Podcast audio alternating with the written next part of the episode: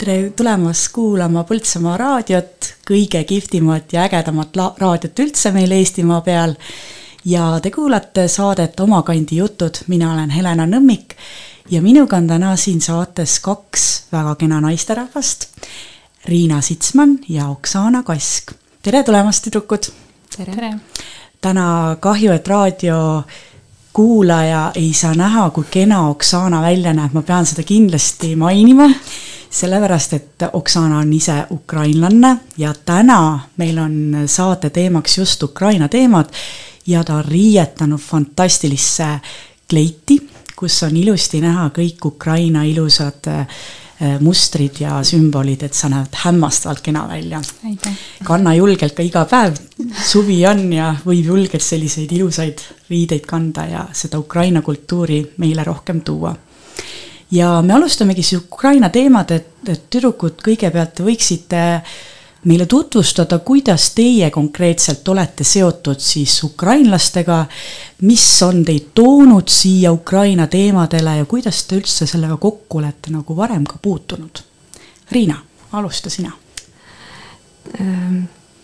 olen Riina Sitsman äh, ja, ja kuu aega tagasi võtsin ma omale niisuguse äh, Ukraina äh, sõjapõgenike aitamiseks vastu töökoha või isikumajutusüksuses, kus ma olen siis administraator ja vaatan, et neil oleks kõik seal äh, eluks vajalikud äh, vahendid olemas ja aitan nii palju, kui ma oskan. Äh, suunan, kuhu vaja, et nad saaksid oma küsimustele vastused ja ja tundub, et nad nagu kohanevad seal ja, ja, on suht siuksed rahulikud ja eks nad ikka, mõni tuleb ja kurdab, kuidas, mis ja, ja et seal äh, kuidas neil kodumaal on ja, ja aga noh, muidu vist tundub, et äh, on niisugune rahulik koht, kus nad saavad oma aega veeta ja õnneks noh, meil väga-väga niisuguseid väga no noori ei ole, et niisugused vanemad inimesed, kes, kellele võib-olla sobibki niisugune rahulik koht ja mhm. pärast saame sellest veel pikemalt rääkida, kuidas see sisu sul seal on. aga Oksana, kuidas sina oled äh, täna siin? no kutsuti saatesse ja no mina olen äh, see ukrainlanna, kes siin juba mm, pikemat aega on elanud Põltsamaal, tegelikult ma olen ka siin sündinud ja aga olen ka Ukrainas elanud päris mitu aastat. Ähm, noh, kui ütleme, see olukord on äh, tekkinud seal Ukrainas, siis ma ise nagu, mm, nagu otsustasin, et on vaja kuidagi aidata nagu natukene inimesi ja, ja siis olen natukene ka aidanud, et noh, kui oli vaja neid äh, dokumente ja asju nagu ajada, siis äh, ka nagu palusin oma, või see, pakkusin oma abi, et, et, et käia siis nendega ja ja siis ajada kõik neid asju nagu korda ja ilmselt sinul, Oksana, tekkis see, kui see sõda tuli ja kogu see ärevus inimestes ja. oli, et sinul nagu Ukraina ikkagi võis see nagu eriti nagu mõjutada. Ja... ma mäletan seda päeva väga hästi, kuidas see oli, et ma ärkasin hommikul ja tegin siis noh, nii nagu me kõik avame esimesena Facebooki lahti ja siis ma nägin ähm, neid ähm, postitusi, kus ähm, Ukraina, Eesti-Ukraina grupis oli nagu kirjutatud, et, et selle kohta, et, et et umbes, et kui ma selle noh, selle, selle olukorra seoses, kuidas ma saaks nagu Kiievist äh, äh, lahkuda ja siis ma mõtlesin, et mis asja, et, et mis, mis see on, on ju, ja hakkasin pärast äh, internetist vaatama, mis nagu toimub ja kui ma nägin seda, et, et jah, et seal hakati nagu pommitama, siis minu reaktsioon oli kohutav, ma ma terve, võiks öelda, terve päev lihtsalt nutsin ja helistasin oma sugulasi kõiki läbi ja, ja kõik see oli kohutav. et meie pere jaoks ka nagu, et mu ema-isa on ka siin nagu Põltsamaal, elavad mitu aastat, et see oli jah, päris, päris jube kindlasti oli jah aga räägime natuke sellest keele poolest ka, et me elame ju Kesk-Eestis, Põltsamaal, mina olen näiteks isiklikult väga kogu aeg mõelnud seda, et küll see Põltsamaa on selline huvitav kant, et ega siin väga venelasi ei ole, vene keelt me väga rääkima ei pea, ei pea oskamegi lausa, on ju. et äh, selline väga selline eestlaste keskne, et Oksana kindlasti on seda tundnud, et siin ei saa sa vene keeles läbi, sa pead rääkima eesti keelt, on ju. Mm. -hmm nüüd me oleme nagu muutuvas olukorras olnud, me peame rääkima seda keelt, et aidata Ukraina elanikel siin kohaneda, toime tulla. kus teie oma, Riina, kus sina oled oma keeleõppe saanud, kas tõesti keskkoolist või, või oled sa kuidagi varasemalt selle vene keelega niimoodi kokku puutunud, et no vastus on tegelikult väga lihtne, mu ema räägib vene keelt ja kodune keel oli vene keel uh -huh. ja sealt oli tulnud ja noh, muidugi ma igapäevaselt ju ei suhtle vene keeles äh, enne sõda, ma ei mhm. -huh. suhtlenud ju väga palju, et võib-olla kord nädalas või kahe jooksul äh, suhtlesid emaga, aga aga siis, kui need, see sõda algas ja need ukrainlased siia tulid, noh, siis oli mul ka, et kui ma enne rääkisin emaga nagu Aljast, on ju, ütlen eesti keeles, tema üritab ära noh, ära arvata, mida ma siis mm -hmm. natuke tahtsin öelda, siis, siis nüüd äh, mõni nädal hiljem, kui, kui mul äh, see juuksur Veronika mm -hmm. meie juurde jõudis, siis, siis ma kohe emalt küsisin, noh, et kas ma nüüd räägin siis natuke paremini vene keelt, et me ei pea sinuga Aliast mängima et tuleb meelde, kõik sõnad tulevad ja siis on hästi, noh, endal on kergem suhelda ikkagi jah, ilmselt ongi nii, et kui me ikkagi oleme mm. õppinud seda või omandanud mingi aeg seda keelt, siis äh, kui sa oled selles olukorras, sa pead hakkama saama, sa pead ennast väljendama, siis ta tuleb nagu kergemini ka ja, ilmselt jah ja., just, just äh,. ma võin siia nalja, nalja ka vahepeale tuua, et mina töötan koolimajas ja kui meil need Ukraina lapsed tulid sinna väikesesse koolimajja, siis oli ükskord selline olukord, et äh, neil nagu veebitund ei toimi, toimunud ja oli vaja ruttu jooksvalt midagi välja mõelda, et tehke nüüd midagi lastega.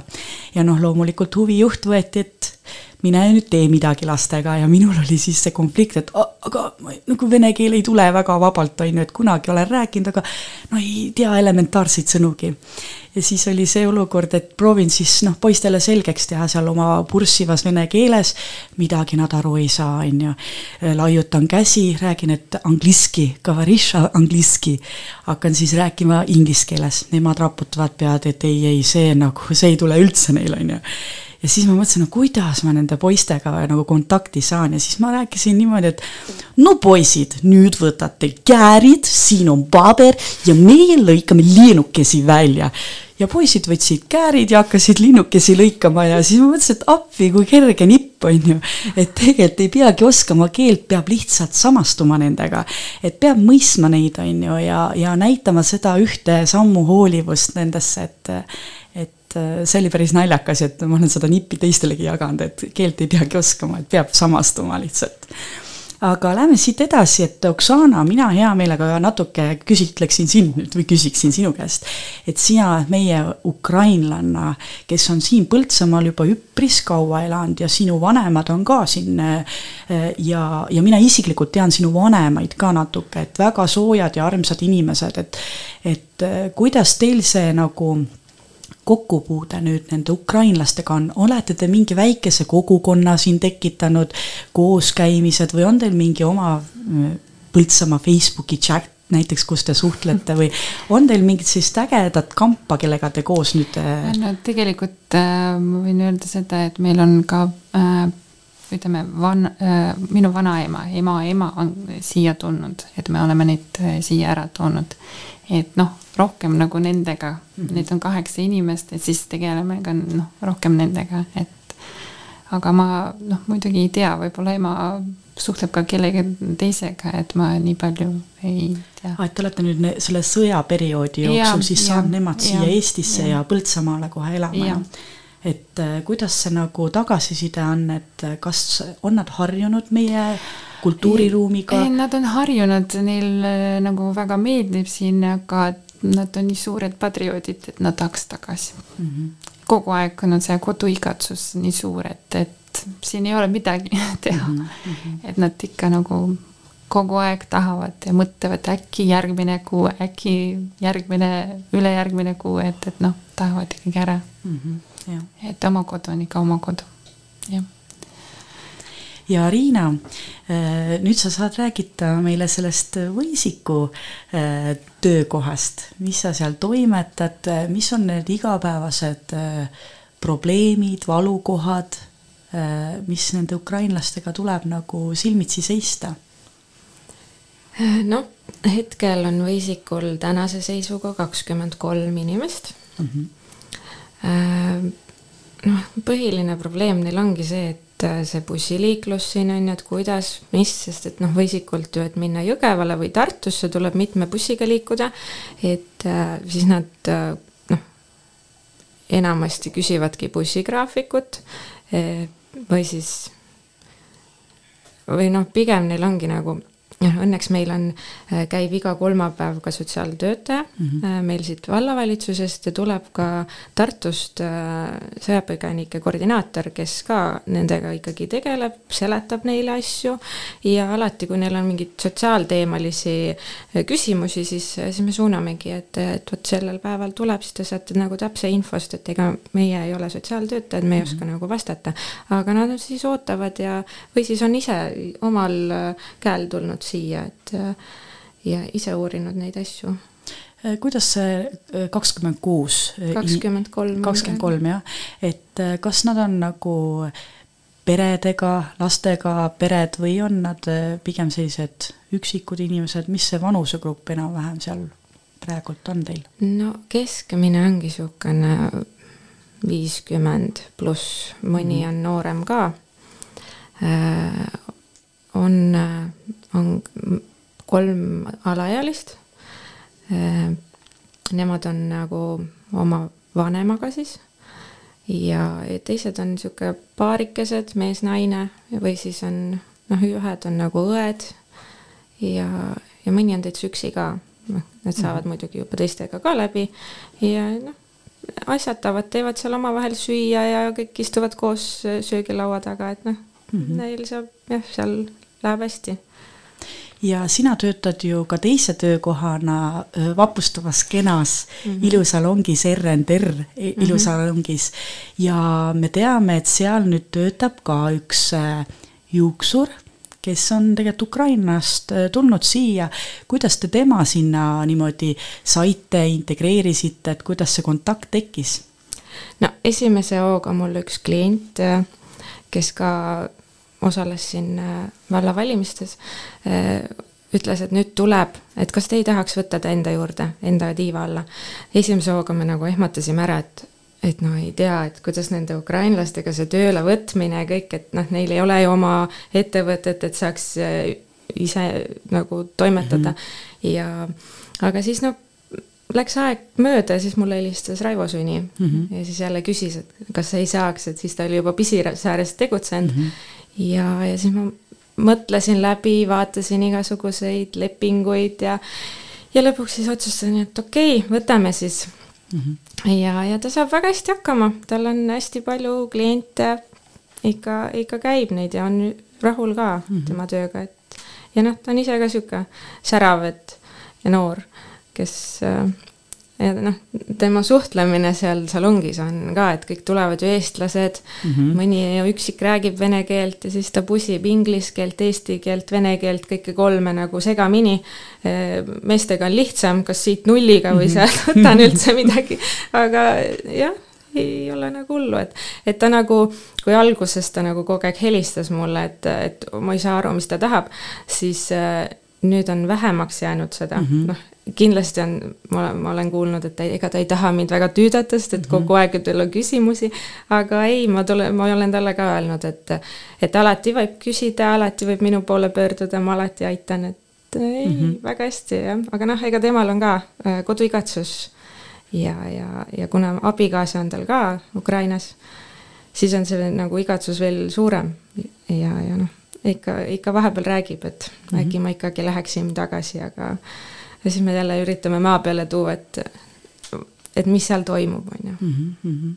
ilmselt seda on väga raske meil aru saada, me ei ole selles olukorras, eh, et tegelikult nad võivad väga nagu läbi elada kurbi asju, et kui su kaaslane ikka jääb teisele, teise noh, oma riiki, on ju, ja sina oled võõras riigis, pead hakkama saama, et et kuidas te neid inimesi nagu motiveerite, toetate, et äh, sina, Riina, just mainisid, et noh, mõtle kaine peaga, ära mine sinna, on ju.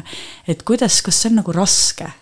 on, ega noh, ma võin ju öelda, et, et noh, mõtle, mis seal toimub, on ju, et mm -hmm. okei okay,, teil ei ole seal veel seda sõda, sõda äh, selles linnas, kus te elate, aga me ju ei tea, kuhu see nagu edasi viib siis ta jälle natuke mõtleb ja noh, aga eks neil endal on ka nagu teatud punt juba, kus äh, on ukrainlasi palju ja sealt noh, ilmselt tekib see suhtlus sellel teemal mm -hmm. ka mhm. veel.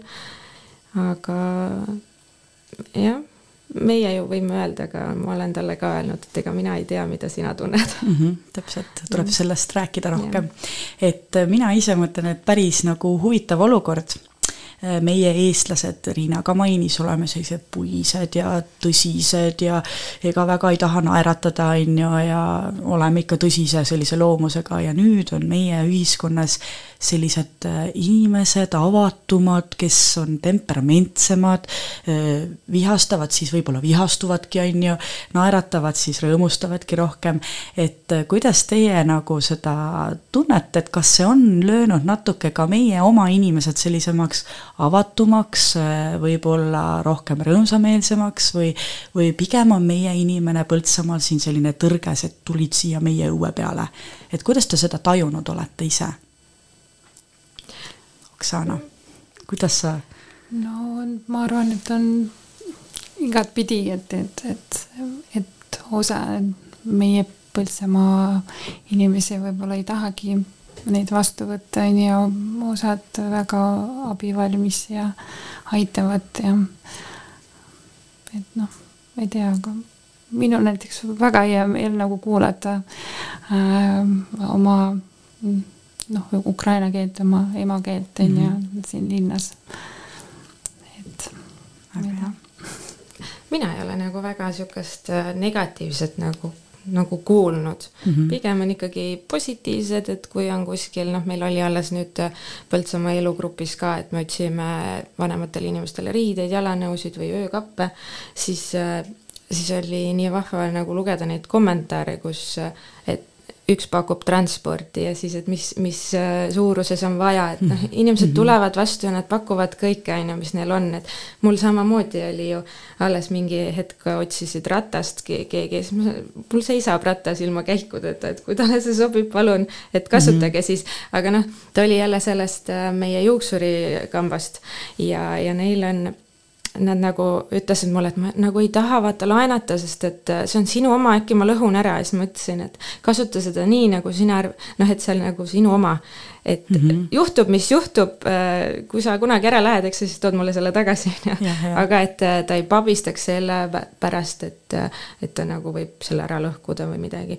aga noh, niisugust, ma ütlen, et negatiivsust mina ei ole nagu väga kohanud jah, mina ka tegelikult ei ole kohanud, et kui siin oli see teema, et meil nüüd tulevad hästi palju ukrainlasi, see ettevalmistus oli valla poolt ka väga nagu tugev ja hea, et äh, tuli see üleskutse, et äh, ühikas, teeme kooli ühika korda, et kas on kellelgi mööblit, tasse, mingeid nõusid, madratseid, et kõik nagu sai äh, soetatud ja, ja inimesed nägid väga palju vaeva lihtsalt ainuke pettumus, mis, mis oli alguses, oli see, et aga neid on nii vähe tulnud, on ju. et me valmistasime ette palju nagu suuremaks massiks, aga meile Põltsamaale tegelikult neid ei ole nii, nii suures koguses, nagu mõnes teises linnas võib-olla on. nii, aga me teeme väikse pausi siin tüdrukutega ja kuulame siis Eurovisiooni lugu, Ukraina võidulugu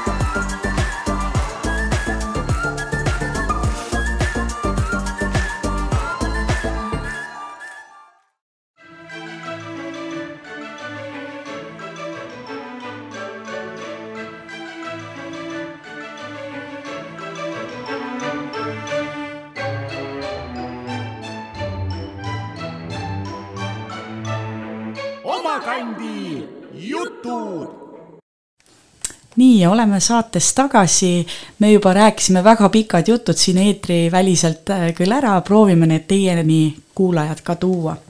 Äh, me siin lõpetasimegi sellel teemal, et äh, kuidas siis on olnud neid integreerida, kuidas on ukrainlased siin meil toime tulnud, aga võib-olla küsiks selliseid küsimusi ka teilt, et teie igapäevaselt puutute sel-, nendega kokku. kuidas on neil see harjumus meie kultuuriruumis hakkama saamisega, et kas on mingeid käitumismudeleid, mis on nende jaoks näiteks võõrad? no näiteks toit, ma ei tea, prügi sorteerimine. toit on kindlasti üks, mis on nagu erinev mm. -hmm. et meil võisikul nad küll käivad söömas ja kõik, aga see ei ole ikkagi nagu see. ja, ja mõni naisterahvas, ta käib seal, sööb ära, aga nad teevad ka köögis enda moodi seal praekartulit või midagi, et, et jah, nad leiavad nagu mooduse, et nad söövad, maitsevad ikka ära, mis meil on ja, ja siis äh, kuidas seal Riina seal võisikul on, ma lihtsalt huvi pärast mm -hmm. küsin, et kas seal on ka selline avatud Ukraina köök, et Ukraina naised lähevad kööki ja kukuvad eh, pelmeene tegema või boržisuppi koos keedavad, kas sellist nagu kultuurimelu ka neil niimoodi on? Eh, noh, nad nagu kultuurimelu kindlasti ei tee, aga mm, -hmm. aga just eile, kui ma tööl olin, lõunaaeg oli mitmest toast, minu arust kolmest toast naised ei neljast isegi, neljast toast naised mm. -hmm. ja üks naisterahvas tuli hoopis kuskilt mujalt, et nad ei olnud ka enne nagu koos mm -hmm. ja nad tegid seal, kes kooris kartulit ja kes äh, hakkis seal sibulat ja kõik koos tegid, et nagu kui ma sealt pärast ära läksin, siis seal noh, meil on nišid, kus mm -hmm. on nagu köögid.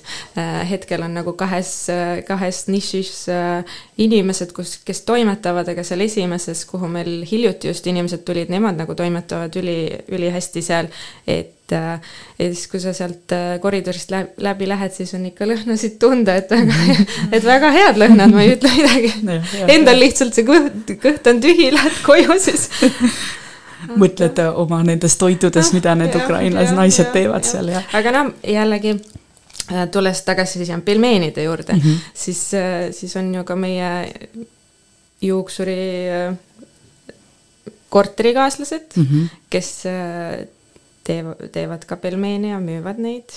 ise mina enam poest ei osta mm, -hmm. sest need on kuidagi mahedamad, nad ei ole nii soolased ja sihuke hästi mõnus on. käsitsi tehtud ikkagi. ja muidugi on varennikud ka on ju, kartuli ja on..., ja kohupiimaga mm. mina muidugi ei osanud neid teha et mul mees muidugi küll on hea, meil on lõunaaeg, et kui me siin raadiosaate ära lõpetame, siis me läheme pelmeene sööma ja mina proovisin äh, kohupiimaga varennikuid mm -hmm. teha, nii nagu mulle siis äh, Julia siis ütles, aga ega ma vist ei osanud väga teha, sest et et kui ma ähm, omale abikaasale andsin, siis ta ütles, et nagu moosiga tahaks seda pigem süüa, et mm -hmm. meil on jälle teised maitsed, et nemad võib-olla panevadki seal suhkruga. seal on äh, erinevaid ähm,. valmistamisviisid on erinevad. aga mõtle, kui põnev oleks, kui, kas on keegi ukrainlastest selle idee peale tulnud, et kellelgi sellist ettevõtlikkust on juba tekkinud, et ka ise sellesse ühiskonda juba midagi nagu anda, et näiteks ongi seal noortekeskuses mingi õhtusel ajal Eesti naised saavad tulla Ukraina naistega, nemad õpetavad, kuidas teha vareenikuid, pelmeene, töötuba maksab midagi näiteks, et selline mõnus selline integratsioon justkui nagu toimuks omavahel suhtlus, meie õpime nendelt oskusi. see oleks väga hea idee. see oleks äh, ja, väga kihvt asi, et, et äh, just nagu ja. mingi väikese osalustasuga ja, ja lähedki, õpid selle borsisuppi siis õieti tegema, on ju. täpselt.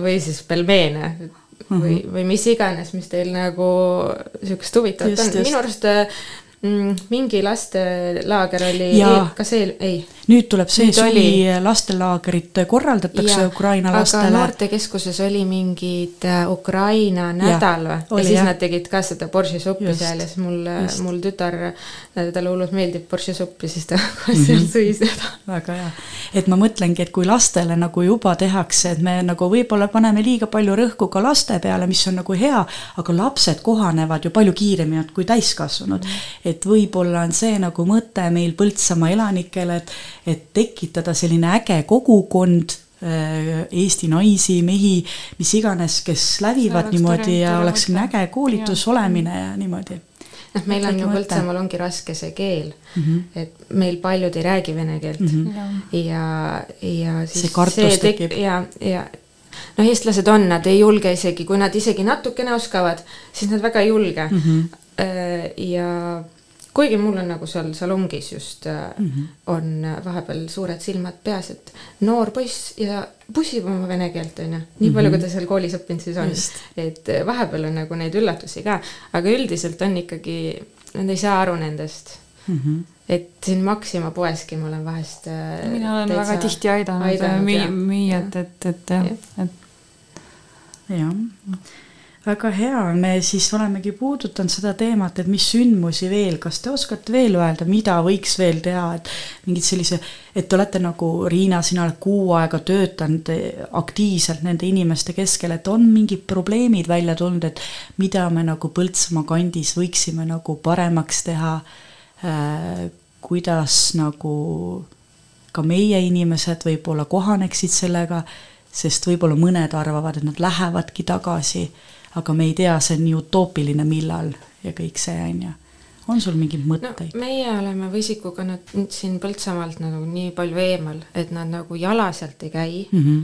-hmm. bussiga nii palju nad käivad, aga äh, üks poiss oli meil, on meil seal, kes äh, või noh, ma alustan pigem jutuga natuke algusest, rohkem algusest, et äh, meie juuksur Veronika äh, või õigemini, kui ma läksin sinna tööle, siis mult kohe küsiti, et äh, kas meil juuksurit on siin kuskil mm. -hmm. ja noh, minul ju on Ukrainast juuksur ja, ja siis ma helistasin Veronikale, et noh, et meil on niisugune lugu, et nad tahaksid, aga neil ei ole sentigi hinge taga mm. -hmm.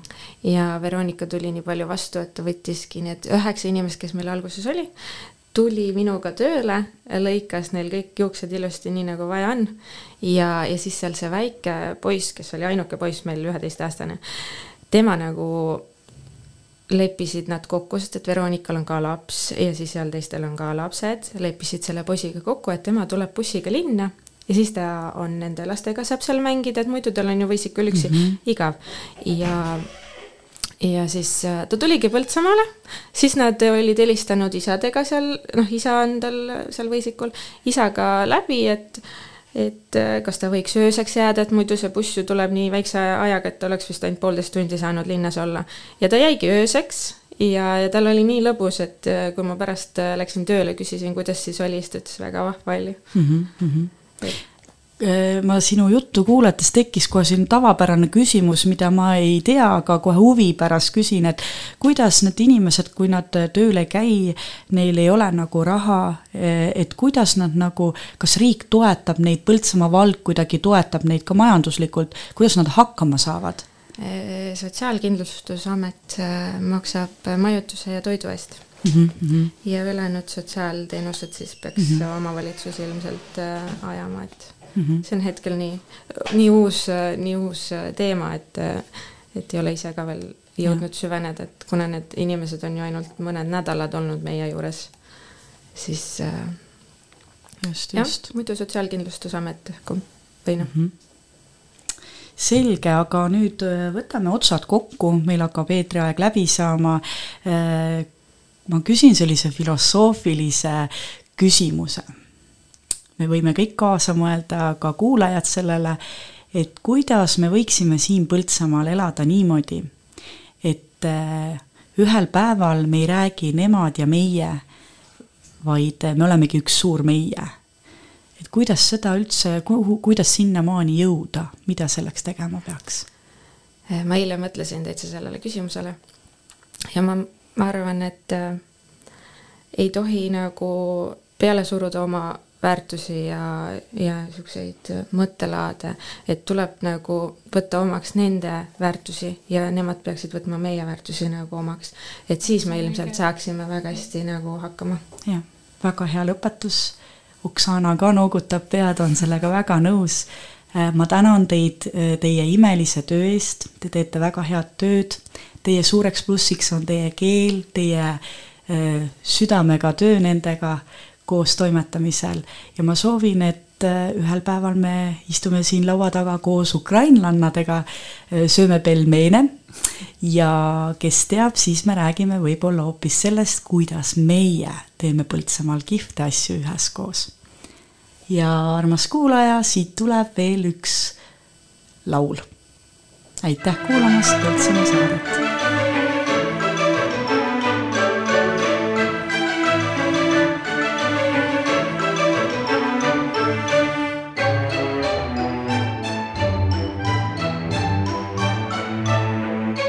kandi jutud